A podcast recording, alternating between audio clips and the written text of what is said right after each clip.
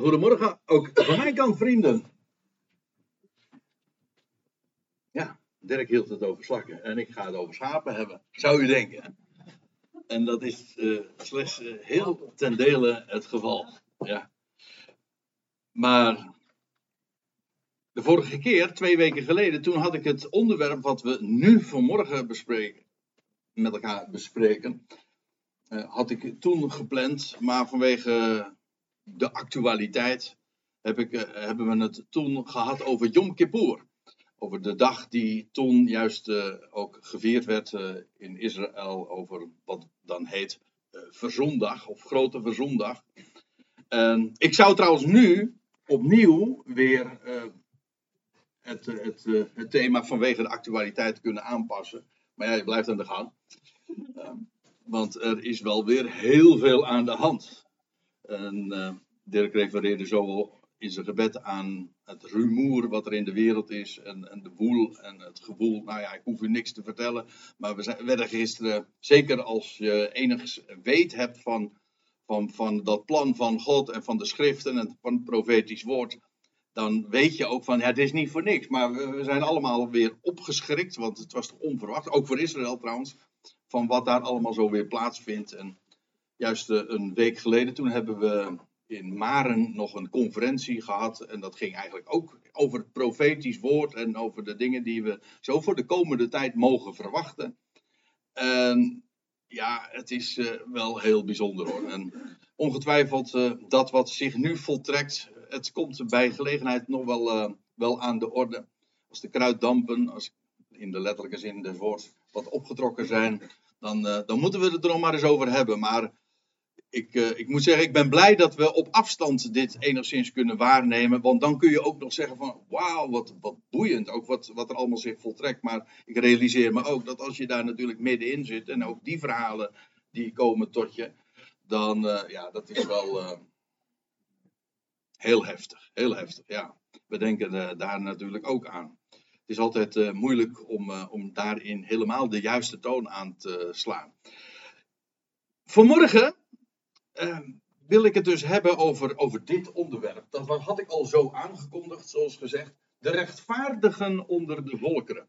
Laat ik eventjes een paar inleidende dingen daarover zeggen. Kijk, deze titel uh, is bekend. Mevrouw Dirk die zei zojuist van waar ga je het over hebben. De rechtvaardigen onder de volkeren. Hij zei, oh, dat is Yad Vashem. En daar heeft hij helemaal gelijk aan.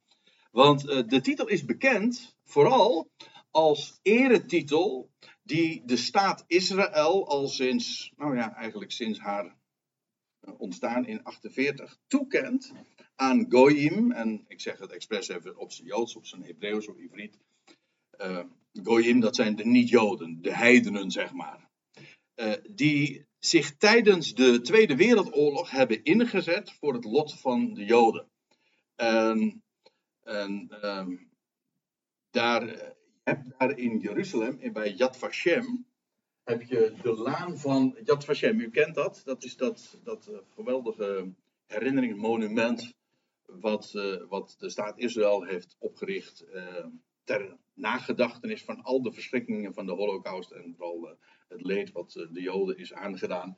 En Yad Vashem en de hand van de naam. En in ieder geval, als je daar naartoe gaat, dan heb je een, een laan, zo heet dat, van rechtvaardigen onder de volken. En dan zie je ook allemaal naamkaartjes daarbij. En onder andere, er, zitten, er zijn nogal wat Nederlanders, ik, als ik me niet vergis, wel een stuk of 4000 Nederlanders, die daar, eh, waar een boom voor geplant is. En uh, bekend zijn bijvoorbeeld uh, Corrie ten Boom, of een, een, weet, uh, maar ook een, een Miep Gies uit het, het, van Anne Frank. Nou ja, dat zijn heel wat uh, namen. Uh, en dat zijn mensen die zich uh, verdienstelijk hebben gemaakt en Joden hebben opgenomen in hun huis of, anderszins. En, en dat is een hele grote laan. Dus daar zijn allemaal bomen. Elke boom representeert een bepaalde naam, een rechtvaardige, en zo worden ze genoemd, rechtvaardige onder de volkeren. En uh, dat is heel indrukwekkend als je, je ziet een hele lange lijst die hier ook zo'n uh, plaat van al de namen die daarin gerepresenteerd worden. Maar de frase zelf, en nou spitten we even wat dieper nu, want dit is ja, waarom het vooral de naam, de frase bekend is, maar ze is ontleend aan de Talmud, aan de Joodse traditie, en het verwijst naar niet-Joden. Dat zal je zien als je de, de Joodse geschriften van oudsher daarop naslaat. Op niet-Joden die godvrezend zijn. En nou wordt het interessant, als je voor ons als Bijbelstudenten, als mensen die zich oriënteren op de schriften, want die, naam, want die groep, die komen we ook namelijk in de schriften tegen, en met name ook in het Nieuwe Testament. En dan vooral ook in het boek Handelingen. Dan kom je de frase Godvrezenden nogal eens tegen, en dan blijkt het te gaan over heidense mensen, niet-Joodse mensen, maar die op een of andere wijze uh, toch de God van Israël, de ene God, erkennen. En daar, dat bestaat dan ook in, in, in soorten en maten. Uh, ik wil straks even een aantal passages daarvan opslaan in het boek Handelingen. Maar het uh, kenmerkend is dus dat zij niet Joods zijn, ook niet de, het zijn ook geen proselieten. Want uh, dat, is, dat is namelijk nog weer een andere categorie. Die zullen we straks trouwens ook nog zien. Je hebt proselieten. Uh, dat zijn mensen die uit de Goyim uh, Joods geworden zijn.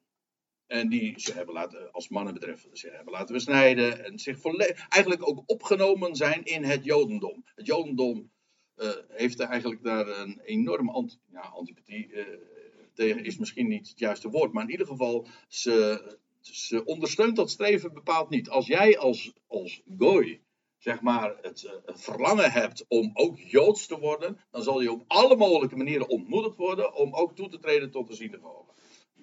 En dus uh, dat, dat moedigen ze bepaald niet aan. Dus ook daar zijn natuurlijk. Ook daar zijn weer soorten en maten en, en allerlei stromingen binnen het Jodendom. Dus het, ik veralgemeniseer het ongetwijfeld een klein beetje. Maar de proselieten, dat is weer een categorie apart. Dat zijn dus ook Goyim, maar die zijn Joods geworden alsnog. En worden dan ook, als het, eh, als het proces dan toch helemaal voltrokken is, die worden dan voluit ook als Jood gerekend. En ik heb hier even de schriftplaatsen genoemd waar de, de Goyim, nee pardon, de, de proselieten ook worden genoemd in het Nieuwe Testament. Uh, in Matthäus 23 is het trouwens wel een aparte schriftplaats, want daar vind je precies het tegenovergestelde van wat ik nou net beschreef. Want dan worden fariseeën genoemd, of schriftleerden, of in ieder geval een Joodse groepen, die juist wel heel erg actief onder de natieën bezig waren om bekeerlingen te werven. En mensen die, om, zodat ze toetreden tot hun godsdienst. En de heer Jezus is niet mals in zijn oordeel daarover. Je reizen stad en land af. Ik, weet, ik, zeg het nu, ik parafraseer het nu even, maar uh, om, om, een, uh, om, om een bekeerling te maken, een proseliet. Want dat is het woord wat er eigenlijk dan gebruikt wordt. Uh, zeg maar, in de praktijk, wat, wat het resultaat is dat het een, een zoon van Gehenna is. Een zoon van de hel, dat staat er dan in onze vertaling.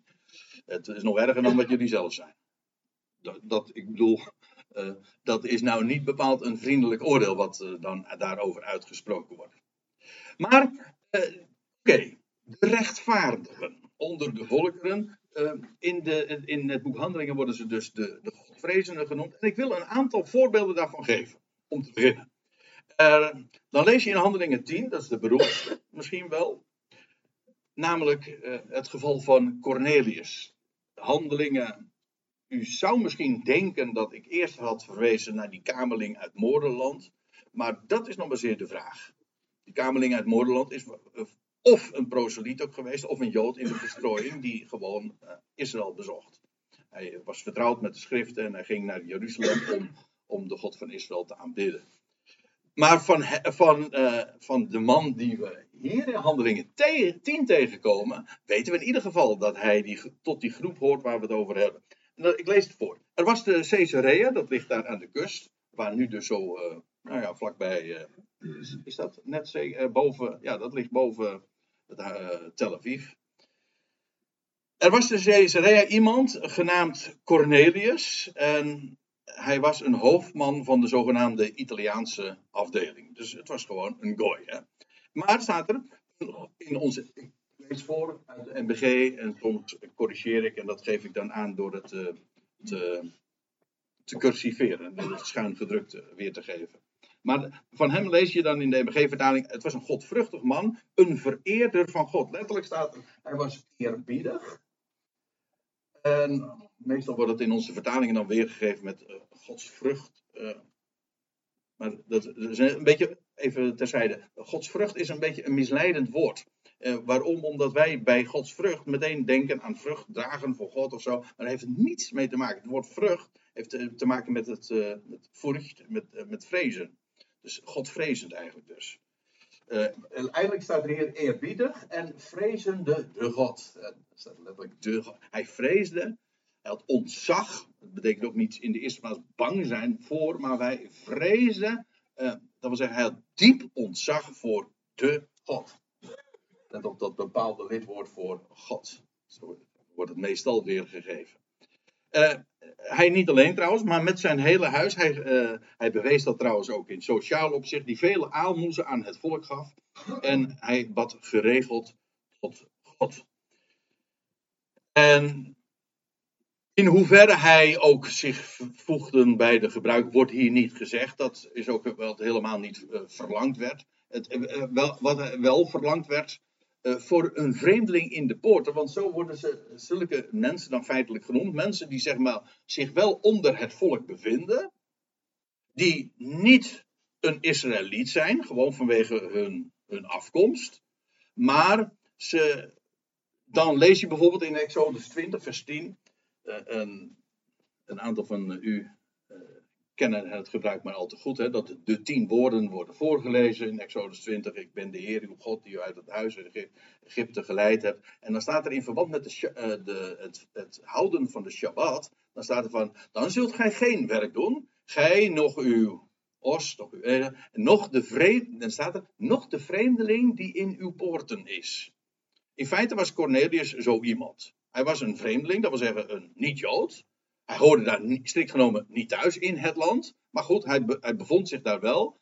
En hij werd dus ook in principe geacht zich in ieder geval te voegen naar de, de gebruik. Of in ieder geval, uh, ja, in ieder geval op de Shabbat uh, geen arbeid te, te doen.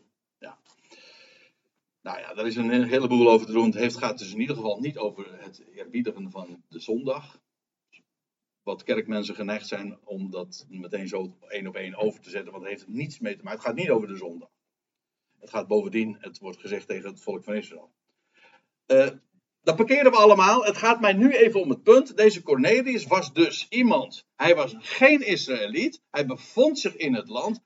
Wat we weten van hem, hij eerde God. En hij, was ook in, hij stond trouwens ook in aanzien. Hè. Lees je, ik meen even later, uh, in, het volk. Onder het volk van, van Israël. Oké, dat, is de eerste keer dat we hem tegenkomen. Van hem lezen we natuurlijk, daarom wordt het in Handelingen 10 ook uitgebreid beschreven. Van hem lezen we ook dat het evangelie tot hem komt. En Petrus die, die moet een bezoek aan hem brengen om hem te vertellen van ja, de God van Israël. Dat gaf trouwens nogal wat voeten in de aarde, want uh, dat, ja, de, de, Joden, die, ook de gelovige Joden, dat moeten we nagaan, hè? Degene die geloofden dat Jezus de Christus is, die dachten, wat, wat moet die, heeft die Cornelius daarmee te maken? Het, het, moet toch naar Israël? Eerst is, zij geloofden ook wel dat, dat de natieën ook zouden horen, maar eerst moet Israël tot bekering komen. Dus uh, het was niet eens zo gemakkelijk om bij die Cornelius uh, ingang te winnen. Petrus heeft ook heel wat uit de kast moeten halen, om zo te zeggen om dat, uh, dat wat hij gedaan heeft te verdedigen. Trouwens, het was niet op eigen initiatief. Hij wilde eigenlijk helemaal niet. Dat, dat, vertelt, hij, dat vertelt hij in zijn verdediging ook. Hij zei, ja, ik, ben niet, ik heb dat niet eigen, uit eigen beweging gedaan. Hij zei, ik, ik, heb van Gods wegen een droom gekregen. Dat, ja, ik, ik moest wel. Zo. Nou ja, uh, in ieder geval, toen was, uh, toen was de, de strijd weer geluwd in elk geval, hij, was, hij werd gerekend, dat is duidelijk, ook als een vreemdeling onder de, in, de, in de poorten, binnen hun eigen gemeenschap. Dan gaan we nu naar Antiochië. Uh, Antiochië in het, er zijn er twee van, maar in, in Turkije. En dan lees je dat Paulus daar niet eens naar de synagoge gaat. dat was meestal de gang van zaken. En met Barnabas. En dat was kennelijk een grote synagoge daar in Antiochië. En ja, wat Paulus dan doet, is uh, hij, is daar uh, een, een, Jood op bezoek. En dat was een open podium, zo, zo was dat, zo, zo werkte dat in een Jodenkerk. Hè, daar kan iedereen zomaar wat zeggen. Maar in ieder geval, Paulus die wordt uitgenodigd en hij, hij neemt het woord. En dan staat er in vers 16 van Handelingen 13. En Paulus stond op, hij wenkte met zijn hand en zei: Mannen van Israël. En daar komt het. En vereerders van God. Luister. En hier, hier, wordt, weer, hier wordt letterlijk hier weer gesproken over de vrezenden van de God. De Godvrezenden, wat beter gezegd. En hier weer zo. Dus aan de ene kant heb, uh, worden de mannen van Israël aangesproken. Maar er is nog een categorie die daar ook kwam, sympathiseerde op een of andere wijze met de dienst van God. Zonder zelf tot Israël te behoren. Vereerders van God. Uh, uh, en nog weer even later, tien versen verderop, dan lees je in datzelfde handelingen 13. Mannen broeders, zegt Paulus als hij van wal gestoken is. En dan gaat hij zijn conclusies trekken. En dan zegt hij, zonen van het geslacht van, van Abraham. Is dat eigenlijk het, het ras van het geslacht Genos. Eh, dat, is, dat woord, daar zit ons woordje gen in. Dus de, degenen. Die, is, die, het, die de, degenen dragen het DNA hebben van Abraham. Dat is eigenlijk wat er staat. Dus een, wat wij dan noemen een, een ras of een, geslacht, zoals het hier. Zonen van het geslacht van Abraham. En, maar ook, er is nog een groep, en vereerders van God onder u. Tot ons is deze heilsboodschap gezonden. Nou ja, en, en dan gaat hij uh, nog verder, maar ook hier weer de, de Godvrezenden. En dan lees je nog weer eventjes verder in ditzelfde, ook nog steeds in Handelingen 13. En na het uitgaan van de synagogen volgden vele van de Joden en de vereerders van God, die Jodengenoten waren. Hey, dit is trouwens wel apart, want hier worden de vereerders van God, of die Godvrezenden, nee, hier staat inderdaad de vereerders van God, uh, die worden proselyten genoemd. Hè? In de MBG-vertaling staat er Jodengenoten, maar letterlijk staat er in het Grieks ook het woord proseliet. Neem me niet kwalijk. En, maar eh, dat is dus eigenlijk een aparte categorie van godvrezenden. Hier wordt gezegd, eh, de godvrezenden in het algemeen, dat waren mensen, goyim, maar die uh, alleen zich daarin onderscheiden dat ze wel heidens waren, maar ze vreesden, ze hadden ontzag voor God. Maar hier worden, hier worden ze nog een aparte groep genoemd, de vereerders van God, die ook uh, proselieten waren. Dus goyim, maar ook, daar, ook proselieten.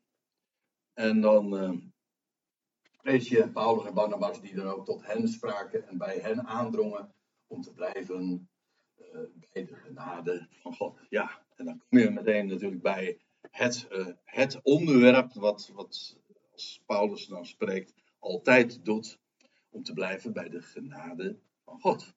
Dat is wat Paulus daar ook in, ook in Antiochië uiteraard heeft verteld. We komen ze later trouwens nog uh, meer tegen. Ik houd eventjes bij deze opsomming, maar ik wil nog wel even vermelden dat je leest ook van Lydia, de purperverkoopster. Ook zij was een vereerder van God.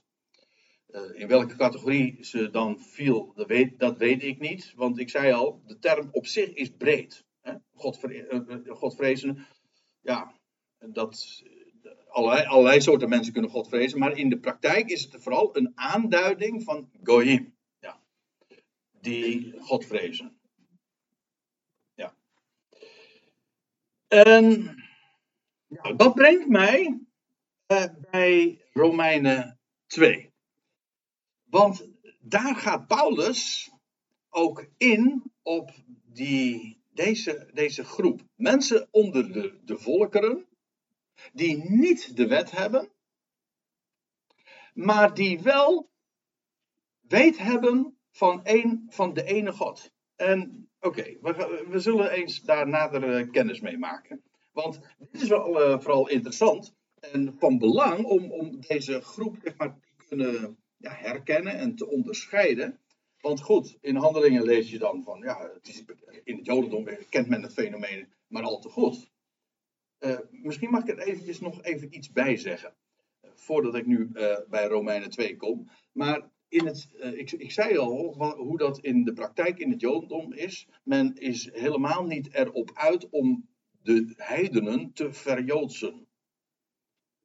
Ik heb het ooit van Pinchas Lapide, dat is een bekend theoloog.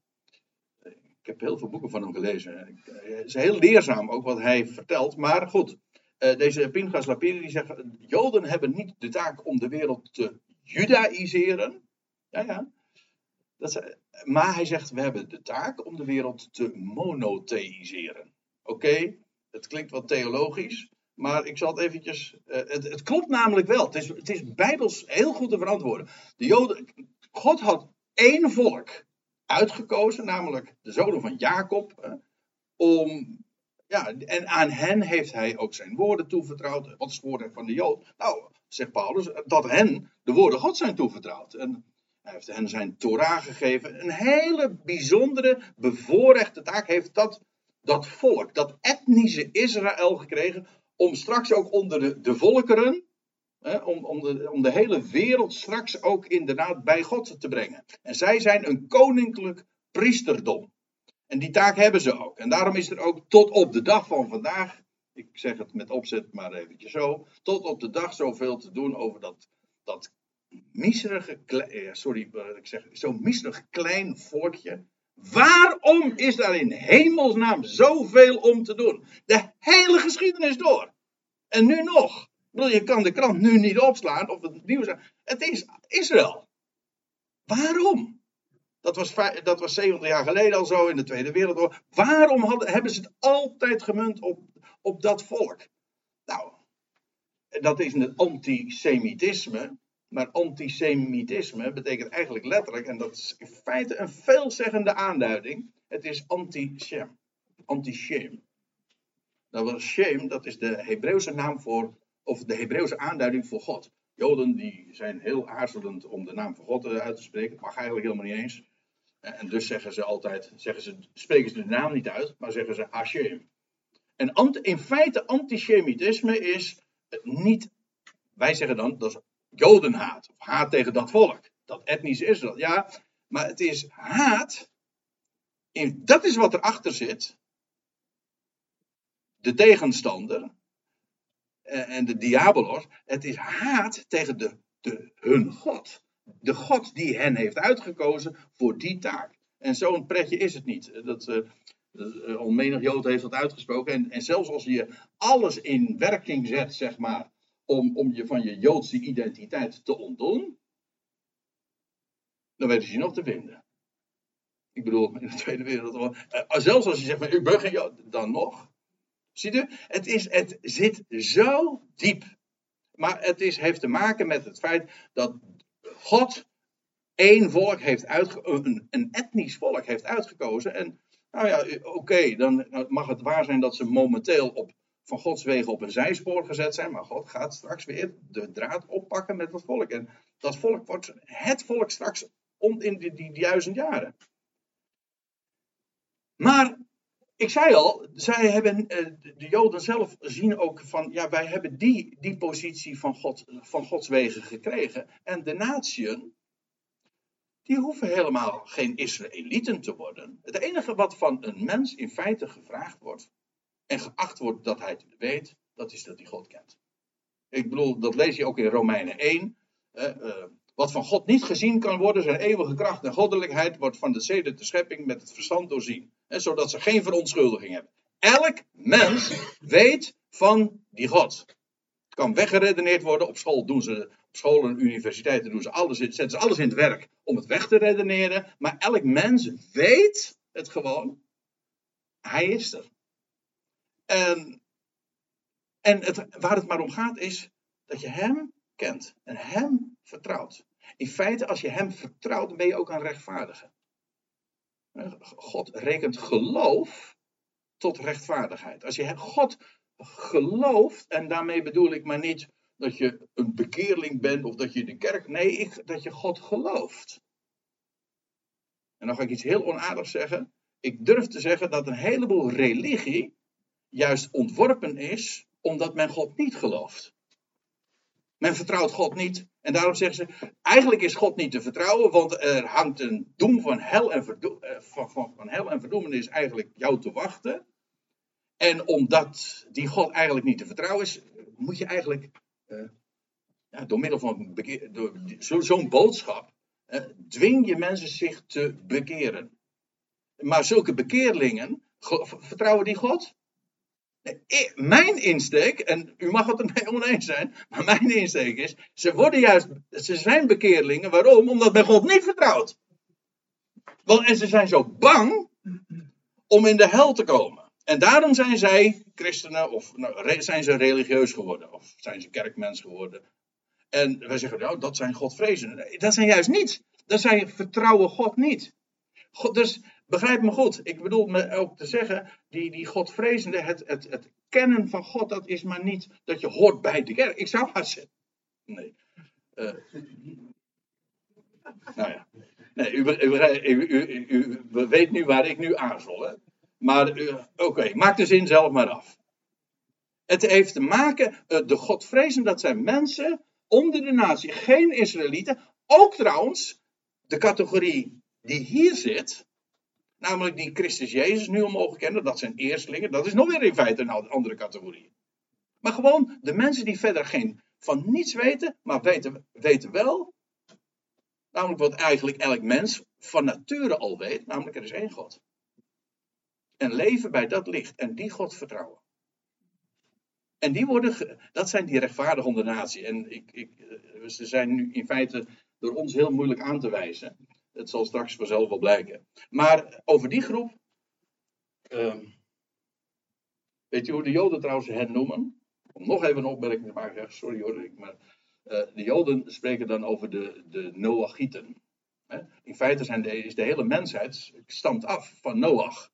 En, en de nakomelingen van Abraham hebben een speciale taak gekregen. Maar de nakomelingen van Noach, gewoon van Sem, van Javet, nou ja, in feite de hele mensheid dus, die hebben, uh, die hebben een aantal dingen die ge ze geacht worden te weten. En e regel 1 is, ze, spreken dan over de, uh, de seven, de keep the seven, go to heaven. Maar de Nogieten die zeggen van de, dat wat, wat eigenlijk voor alle nakomelingen geldt van Noach, namelijk dat ze God zouden eren. Er zijn nog een aantal dingen, dat het mens niet zou moorden, nou ja, geen afgoderij. En er zijn een, een zevental van die morele regels. En als je ze leest, dan zeg je van ja, dat is nogal logisch. Dat, dat weet elk mens. Ja, daar gaat het juist over. En ik zeg deze dingen, maar niet om, om wat wijsheid zeg maar, van uh, de Joden zeg maar, over te nemen. Zeg van kijk, de Joden zeggen dat. En of in de synagoge wordt dat geleerd. Want dat heeft geen gezag. Ik zeg dit juist omdat wat hierover beweerd wordt inderdaad in overeenstemming is, dat mag ook wel eens gezegd worden, met wat ook eh, in de schriften gevonden wordt. In Romeinen 2. Uh, Romeinen 2, ik begin even bij uh, een passage later en dan is een beetje, het klinkt wat onlogisch, maar dan blader ik straks nog eventjes terug in datzelfde hoofdstuk. Maar om mijn betoog wat, wat helderder te krijgen. Uh, dan staat in Romeinen 2, vers 14. Wanneer toch heidenen, of letterlijk natieën, die de wet niet hebben. Nee, want de wet is aan het volk van Israël gegeven. Aan één specifieke groep. En de rest van de mensen hebben die documenten niet. Nou, wanneer toch natieën die de wet niet hebben, van nature doen wat de wet gebiedt dan zijn deze, zegt Paulus, ofschoon zonder wet, zichzelf tot wet. Hij zegt dit dus met heel, heel positief, dat blijkt ook in het volgende vers. Maar zij doen van nature wat de wet gebiedt. Dus, dit is trouwens ook wel weer apart, want uh, ik, in, ja, ik heb van huis uit altijd geleerd. Ik zeg weer iets onaardigs, maar uh, ik heb van huis uit geleerd van de mens van nature niet deugt. Maar hier lees je juist dat de mens die van nature doet wat de wet gebiedt. In de Bijbel is niet de natuur van de mens fout, maar juist het tegennatuurlijke. Dat is trouwens Romeinen 1. En dan lees je over, over, over mannen en vrouwen die de tegennatuurlijke omgang dan promoten. wil zeggen, die niet ingegeven is door het DNA en door, het, door wat natuurlijk is en wat je eigenlijk dus eh, in je, je diepste vezels eigenlijk al weet. Want van nature, dat, dat heeft ook te maken met. Uh, het, het Griekse woord trouwens, is, uh, dat heeft met fusies te maken. Met ons woord uh, fysica. Ehm, en dat is wat uitspruit. En in feite, het heeft, het heeft eigenlijk inderdaad te maken met, ons, met, met het DNA. Zo noemen wij dat dan. Wat uit de natuur voortkomt. En deze er zijn dus onder de natieën mensen die weliswaar de wet niet hebben en daar ook geen weet van hebben, maar die weet hebben van de ene God. En die ook leven bij dat misschien heel beperkte licht. Ze hebben de schriften niet. Nee, maar ze hebben wel, uh, nou ja, zoals hier staat, wat de wet, wat de wet gebiedt. En daarmee bedoel ik niet dat zij, eh, of daarmee bedoelt Paulus er niet op dat ze de Sabbat en dergelijke houden, want dat is juist wat, maar wel dat wat het onderwijs, het meest fundamentele onderwijs voor elk mensenkind, dat kennen ze. En, en dan, staat dan zijn deze, of gewoon zonder wet, gewoon omdat ze die documenten missen, dat wisten, weten zij helemaal niet. Maar ze, zij weten dat, dus eh, ze zijn daarmee zichzelf op zij tonen dat het werk van de wet in hun, in hun hart geschreven is. Hoe komt het daar dan? Nou, dat, Paulus zegt, dat is van nature. En daarmee is dus inderdaad ook bewezen uh, dat, er men, dat de mens gewoon in het algemeen weet heeft van God. Dat is, maar dat is Romeinen 1 al. En in feite wat Paulus in Romeinen 2 op, hierop voortbeduurt, er zijn mensen die bij dat licht wandelen. Hoe beperkt ook. Ze hebben de schriften niet.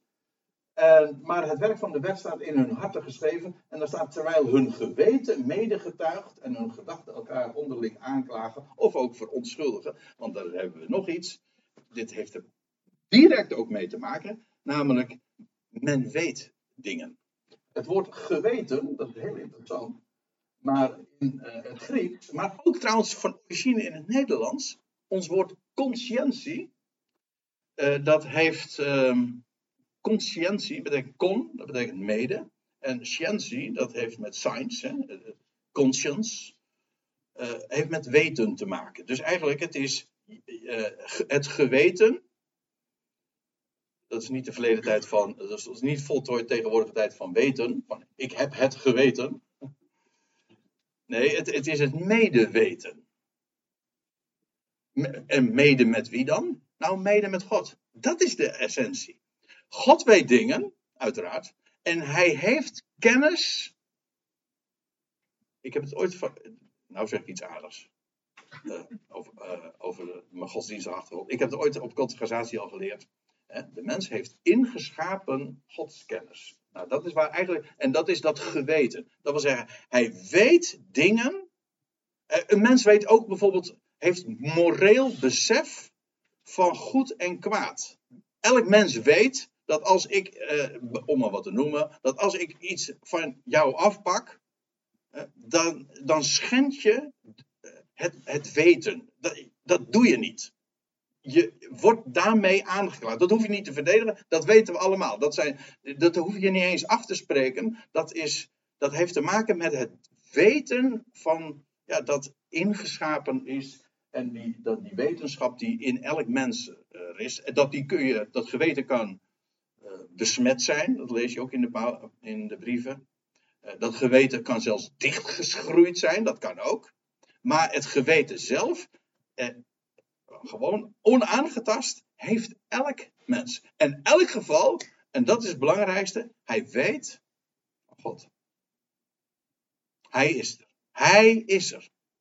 En elk mens weet, uh, dat, dat vind ik ook zo mooi in, in Romeinen 1. Die hoeft helemaal niet uh, jou verteld te zijn van, van een schepper. Maar je weet gewoon, kijk, wat Dirk vertelde over, over zo'n slag. Je, je ziet zoiets. Dan zeg je, wauw, wat, is dat, wat zit dat ingenieus in elkaar. wat een design. Maar als ik zeg, wat een ontwerp, wat een design, wat is daar goed over nagedacht, dan, dan, dan, heb, dan zeg ik daarmee impliciet toch, er is een God. Dan is er een designer. Want bij een design wil zeggen, hé, hey, maar dit, als, als, als die laptop die ik hier voor me heb, hè, dan zeg ik, wauw, dat, dat, is, dat is ingewikkeld, dat is knap. Maar elk mens weet van, ja, dan, dan, daar is echt inderdaad goed over nagedacht. Nou, dat geldt dus ook voor alles, alles wat wij in de, in de schepping zien. Een mens weet, dat is, dat is de, korte, de versie, elk mens weet, er is een God. Nou, en dat geweten, dat, dat spreekt. Dus op de, het idee daarbij is, op het moment dat je iets doet waarvan je weet, het is niet God, dan gaat, dan gaat je geweten spreken. Dan, dan tas je dat aan. Dan gaat er een, een soort, gaat het rode lampje op de dashboard zeg maar, branden. Dat, dat, dat kan je niet. En nogmaals, dat geweten kan misvormd worden, dat is waar. Maar in, in essentie is dat wat God aan de mens heeft gegeven. Terwijl hun geweten medegetuigt en hun gedachten elkaar onderling aanklagen over onschuldigen. Dus dat geweten, dat medeweten, dat conscientie, conscience, wat de mens met God mee weet. De wetenschap die hij meegegeven heeft. In ieder geval dat weten van God. En dan staat er nog bij ten dagen dat God het in de mens, in de mensen verborgene oordeelt volgens mijn evangelie, zegt Paulus dan, door Christus Jezus. Deze zin uh, kan je op twee manieren lezen. Wordt dat, in de uitleggers die lezen dat ook op twee manieren. Eerst, uh, als je dit, deze zin leest, dan kan je zeggen van. Uh, ten dagen dat God het in de mens verborgen oordeelt, volgens, volgens mijn evangelie, dubbele punt, door Jezus Christus. Of door Christus Jezus, sorry. Zo je het lezen, hè? Dus dat volgens mijn evangelie, uh, betekent dan van, nou, hij gaat dat, God gaat dat verborgen aan oordelen. Door wie? Door Christus Jezus. En dat klopt. God heeft een man aangesteld, zegt Paulus in Handelingen 17, door, wie hij de eh, wereld rechtvaardig zal richten. En hij heeft heel het oordeel, zegt Johannes 5, overgegeven aan de zoon. Dus dat op zich, die uitleg klopt helemaal. Je kunt de zin ook nog op een andere manier lezen. En ik, voor mij, wat mij betreft, hoef je helemaal niet te kiezen. Het is beide namelijk waar. Namelijk, God oordeelt het in de mens verborgene. Hoe gaat hij dat doen? Nou, door Jezus Christus. Maar, zegt Paulus erbij, eh, hij zal dat doen volgens of in overeenstemming met het evangelie wat ik vertel. En ik moet zeggen, die lezing vind ik helemaal mooi. Want dat dat door Christus Jezus is, ja, dat lijkt me nogal wieders. Maar hoe gaat God oordelen? God gaat oordelen. En dat vind ik het geweldige. Uh, God, God gaat de dingen recht zetten. Ik, het, het mooiste van, het, van, ja, van die hele waarheid. Een heleboel mensen, zo is het natuurlijk van, huid, van huis uit ook aan ons verteld. Uh, traditioneel, religieus. Ja, wacht, er komt een oordeel van God. En daar komt die hel en verdoemenis meteen weer bij. Maar weet u dat het, het, het feit dat God oordeelt, het feit dat God richt, dat is evangelie. Weet u wat dat betekent namelijk? Die rechtzetting is maar niet alleen een rechtzetting, het is een recht. Eh, pardon, uh, nee, ik zeg het verkeerd. Het is niet alleen een rechtzitting. Omgekeerd. Het is niet alleen een rechtzitting straks. Nee, het is een rechtzetting. Hij gaat de dingen rechtzetten, ook terecht brengen. En dat is een pijnlijk proces, dat ontken ik niet. Want als de waarheid aan het licht komt, reken maar dat er dan ook. Ehm, ja, dan, dan gebeurt er heel veel. Dat kan heel pijnlijk zijn, dat is waar. Maar God gaat alles rechtzetten. En, en, en juist waarom gaat God dat doen? Wel, omdat hij alles terecht wil brengen. Dus eh, dat is een, het is een deel of een onderdeel en een essentiële stap om de wereld te redden en te verzoenen. Dus het, dat, het wordt meestal zo gezegd van ja, maar ja, hier, hè, hier wordt dat, deze groep wordt ervan beschuldigd, of ik word ervan beschuldigd, of de, de boodschap die hier wordt uitgedragen, die we geloven, uh, krijgt dan het stempel, oh dat is alverzoening en jullie denken maar zo makkelijk, jullie redeneren het oordeel van God weg. Denk ik van, je weet niet waar je het over hebt. God zet recht. En hoe pijnlijk dat is, dat mag allemaal waar zijn, maar het doel is, en dat is dat evangelie dat Paulus onder de natie mag uitdragen, het doel is dat hij alles gaat redden. En daarom zet hij het recht. Dat doet hij, dat doet hij niet om zijn gram te halen, dat doet hij om, omdat hij zijn creaties lief heeft. Hij laat niet varen de werken van zijn handen. Maar voordat hij de wereld verzoent, moet hij eerst wel dingen rechtzetten. En dat is dus evangelie. Dus ja, ik, ik vind het zo geweldig om dat te weten. Dat, dat besef van dat rechtvaardig oordeel van God. Hè, en dat hij straks het verborgene gaat oordelen. En een heleboel dingen over die, als we het hebben over de vraag van die rechtvaardig onder de volkeren, wie zijn dat? Ja, uh, dat zal straks vanzelf wel blijken hoor. Maar ze zijn er. Er zijn, ik bedoel, uh, daar, is, daar, daar zijn de Israëlieten. Daar zijn, de, daar zijn de zonen van Jacob met wie God een weg gaat. Daar zijn de gelovigen vandaag hè, die, die het evangelie verstaan en voor wie de ogen daarvoor geopend zijn. Ja, maar daar zijn ook nog eh, de rechtvaardigen onder de natie eh, een nog bredere categorie. Ehm, ik ga nog eventjes, uh, even kijken hoor, naar, weer naar Romeinen 2. Nou, ik ga, al, ik ga even een paar versen terug en ik kom dan in vers 5 aan. En dan zegt Paulus dit. Naar uw hardheid en onbezonnen hart hoopt gij uw toorn op. Nou moet ik er even iets bij zeggen. Hij heeft het hier over degene. Kijk het maar na in vers. Oh, dat er even bij zitten. In, uh, in vers 1 van dit hoofdstuk. Dan zegt hij van. Ja, jullie. Uh, hij had zojuist in Romeinen 1 had hij gesproken over hoe de, in, de, in de wereld in het algemeen, onder de natieën, de waarheid van God ten onder wordt gehouden. En hoe, dat, hoe de wereld verduisterd is. Maar dan gaat hij in Romeinen 2 aanspreken. Hij zegt, ja, maar wacht even. Nou, gaan, wacht even met je oordeel. Want, uh, en dan gaat het hebben over Israëlieten, maar ook degenen die een oordeel hebben over de wereld. Hij zegt, uh, en dat zijn dan in, in de praktijk dan vooral ook de, de orthodoxie, godsdienstige mensen, maar ook moralisten. Mensen die zich in feite moreel verheven voelen boven anderen. En dan zegt hij van, uh, ja, moet ik, even, ik wil het even voorlezen hoor. Ik kan het nooit mooier zeggen natuurlijk dan Paulus. Uh, want gij die oordeelt, gij bedrijft dezelfde dingen. Wij weten echter dat het oordeel Gods onpartijdig is. Ik lees vers Romeinen 2 vers 2 over hen die zulke dingen bedrijven. Rekent gij wellicht hierop, o mens, die oordeelt over hen die zulke dingen bedrijven en ze zelf doet, dat gij het oordeel Gods ontgaan zult? Of veracht gij de rijkdom van zijn goede tierenheid, verdraagzaamheid en langmoedigheid, en beseft gij niet dat de goede tierenheid Gods u tot boetvaardigheid brengt, tot inzicht brengt, tot, eigenlijk tot bezinning brengt? Het is juist de boodschap van Gods goede tierenheid die een mens tot inkeer brengt. Niet hel en verdoemenis, maar de boodschap dat hij werkelijk God is en zijn, en zijn schepping lief heeft en dat hij zijn creaties op het oog heeft en dat hij dat nooit laat varen. Dat brengt de mens tot besef van wie hij is. En, en mensen die eh, in, in de godsdienstigheid zitten en zeggen: oh, maar wij hebben ons bekeerd en zij, die heidenen, die weten er niks van en die willen het niet weten. Of die daar zo hun oordeel over hebben, die worden hier aangesproken. Degene die oordelen over anderen. Hij zegt, in, in feite, jullie, terwijl jullie denken juist goed te zitten.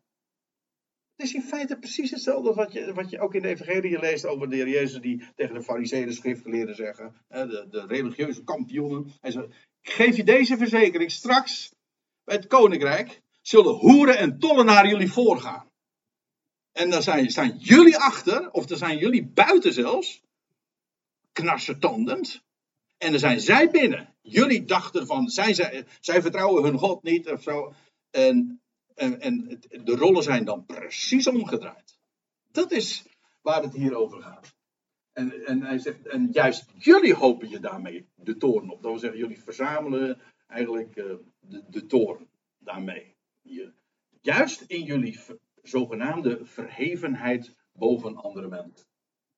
En dan heeft hij het over de dag van toren en van openbaring van het rechtvaardig oordeel Gods. Ik geloof dat dit uh, over twee dingen gaat. Um, twee periodes, zo bedoel ik het. De dag van toren, die term, die vind je bijvoorbeeld.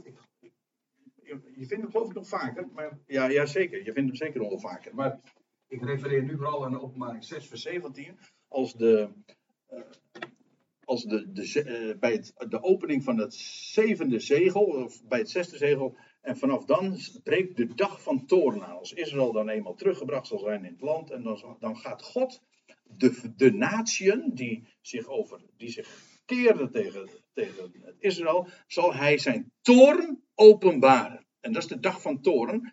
En dat, is, dat vindt plaats voor de duizend jaren, heel uitdrukkelijk, over de levenden. Dat is heel belangrijk. En dan heb, maar je hebt ook nog een, een, een rechtvaardig oordeel van God in het algemeen. En dat is wat plaatsvindt na de duizend jaar. Dat is een millennium later dus. Dat duurt nog minstens dus een millennium voordat dat gaat gebeuren. Dat wordt beschreven in openbaring 20. Dat is de grote witte troon.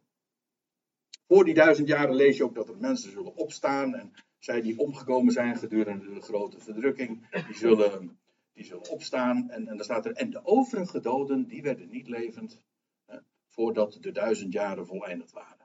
En dan bij de grote witte troon lees je, uh, ja, dan staan, alle, dan staan al, in feite alle resterende doden, zij die dus nog niet opgestaan zijn, zullen dan opstaan.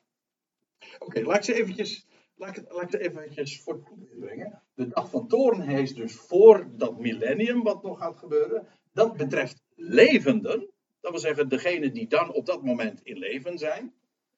En nou komen we bij mijn topplaatje. Uh, ik noem ze expres schapen, want je leest daarover in Matthäus 25. Dan lees je ook over dat God, eh, dat de, de Messias, die zal de, de volkeren verzamelen.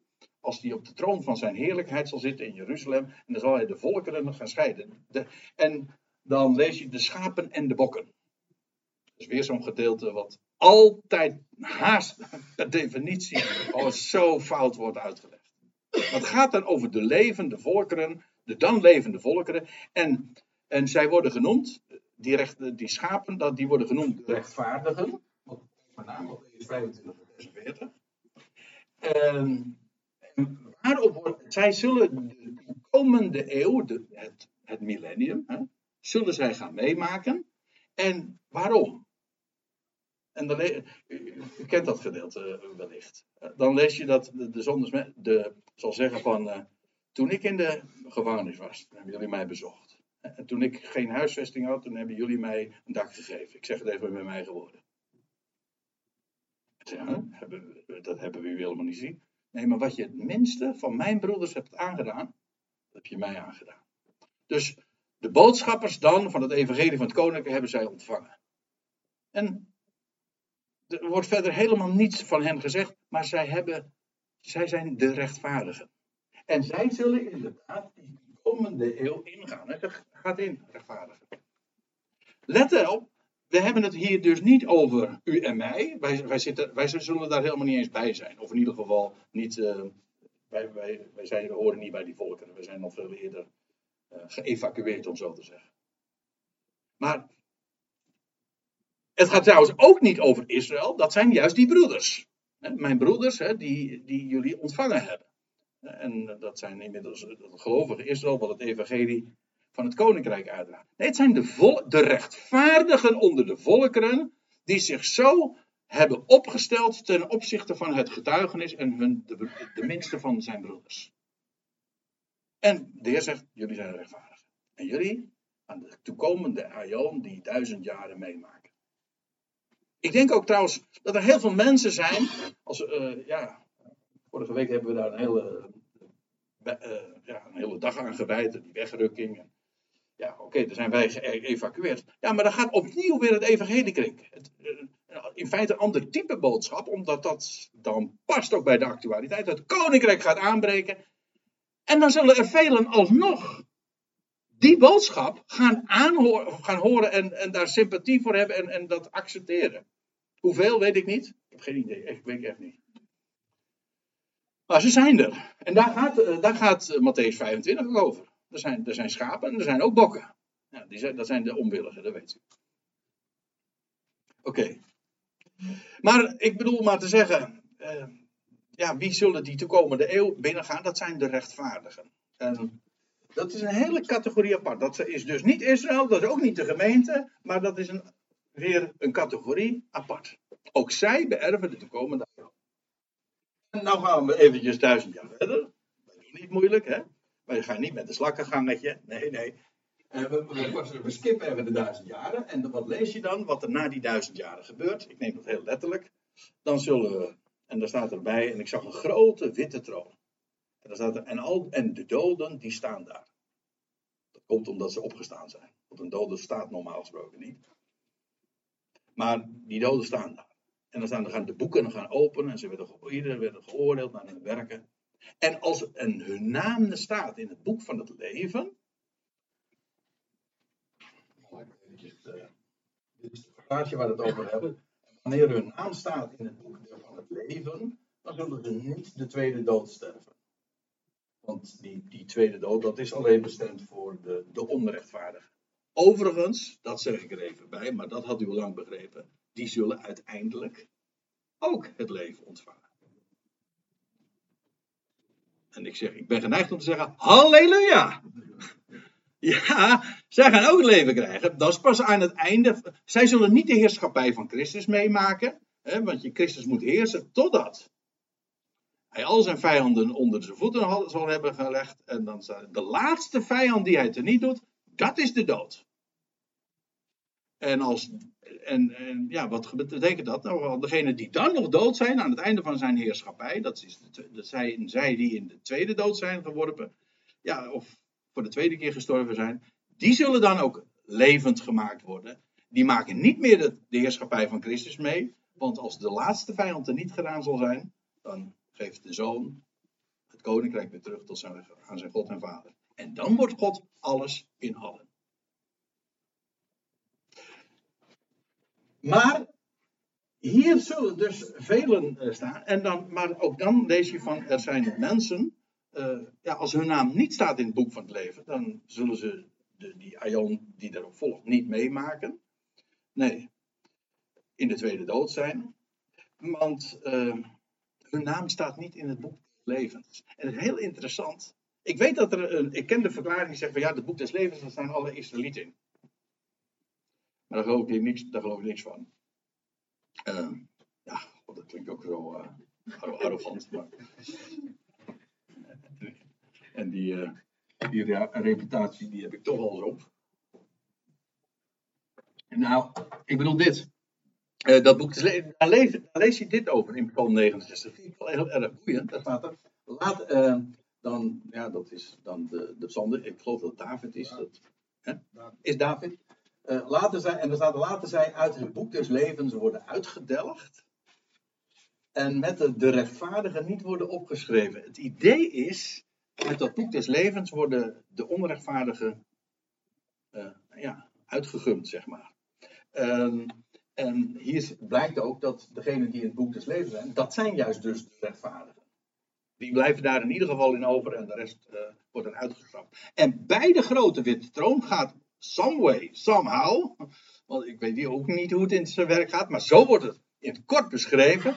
Bij de grote witte troon, dan wordt alles rechtgezet, maar dan zal ook blijken wie in het, wie, van wie de naam staat in het boek van het leven. Dat zijn de rechtvaardigen. En die vind ik interessant, want dat zijn de doden die dus niet de duizend jaar hebben meegemaakt. Dat zijn al die mensen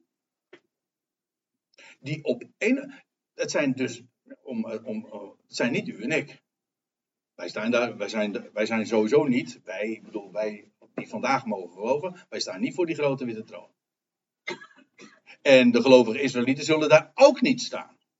Dus wie blijven dan over? Nou, dat zijn de rechtvaardigen onder de natie. Dat zijn zij die God kennen en vertrouwen en vrezen. En dat zal dan blijken. En ja, veld, veld geen oordeel voor de tijd, hè, zegt Paulus. Uh, want uh, dat is een vooroordeel. Op, op het moment dat, ik een oordeel, dat je een oordeel gaat uitspreken over iets wat je nog niet weet, ja, dan dat is een vooroordeel. En dat geldt nu ook. Dus dat is de, de terughoudendheid waarmee ik het onderwerp benader. Ik, ik kan ze niet aanwijzen. Dat zal straks blijken. Ik wil alleen aangeven, er zijn rechtvaardigen onder de natie. Er zijn mensen die God aanmerkt als rechtvaardigen. Bij het beetje wat zij weten, en meer kennis hebben ze niet opgedaan, of hun ogen zijn daar niet voor geopend, maar ze kennen God. En ze vertrouwen hem. En zij, hun naam staat in het boek des levens. En zij zullen dan ook inderdaad uh, die nieuwe aarde beleven. En, en, die heerschappij ook van de zoon meemaken. Dus, ja. Uh, het is uh, een groep van mensen. Eigenlijk, ik kan me niet herinneren dat ik daar al te vaak aandacht aan heb gegeven in deze samenkomsten. Maar ik vind ze toch het vermelden waard om daar aan, te denken. Aan deze rechtvaardige onder de natie, die God weet te vinden. En die straks, bij de, straks, bij de aanvang van het Messiaanse Rijk, zal, ja, zal het duidelijk worden, de levenden. Maar ook daarna. God weet ze te vinden. En hij zal een ieder, een ieder elke ziel, eerst de Jood ook de Griek vergelden naar zijn werken. En het gaat hier niet over wetswerken, hè? Het gaat hier niet over verdiensten, maar gewoon mensen die geleefd hebben bij het licht wat ze hadden in vertrouwen.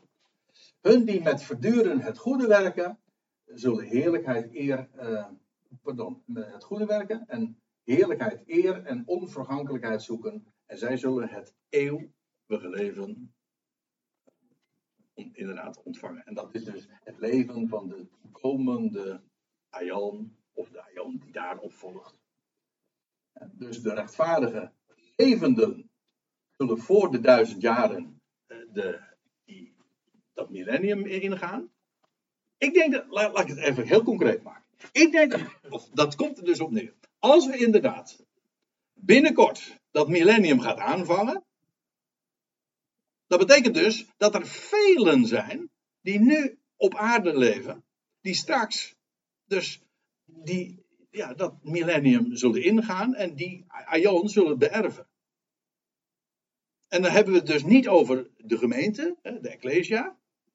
En we hebben het ook niet over Israël. Nee, we hebben het dus over de mensen uit de volkeren, de schapen zal ik maar zeggen.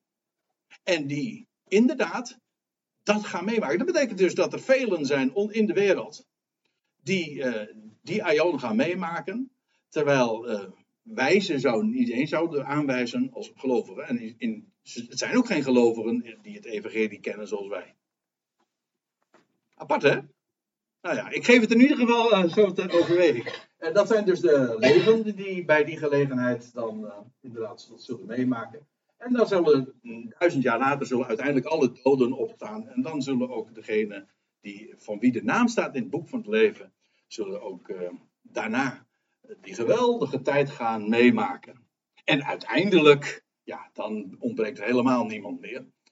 Maar zo zie je maar dat, dat, dat God heeft, hebben het uh, bij aanvang al gememoreerd. God heeft een geweldig plan. En we hebben de schriften, wij leven bij het licht daarvan. Wij mogen dingen nu zien en overwegen die uh, een ander mens dat niet gegeven zijn. Ja, dat is een voorrecht. Maar ik vind het zo geweldig. Bij hem valt er niemand uiteindelijk buiten de boot. En het is zijn genade die dat allemaal realiseert. En ik, daar kunnen we niet genoeg aan denken. Die God, daar raak je nooit teleurgesteld in. Integendeel. Nou, dat wilde ik heel graag vanmorgen eens uh, met jullie uh, delen. Dus de rechtvaardigen onder de natieën. Een zo'n grote, vergeten groep. Maar God vergeet ze niet. Houd dat vast.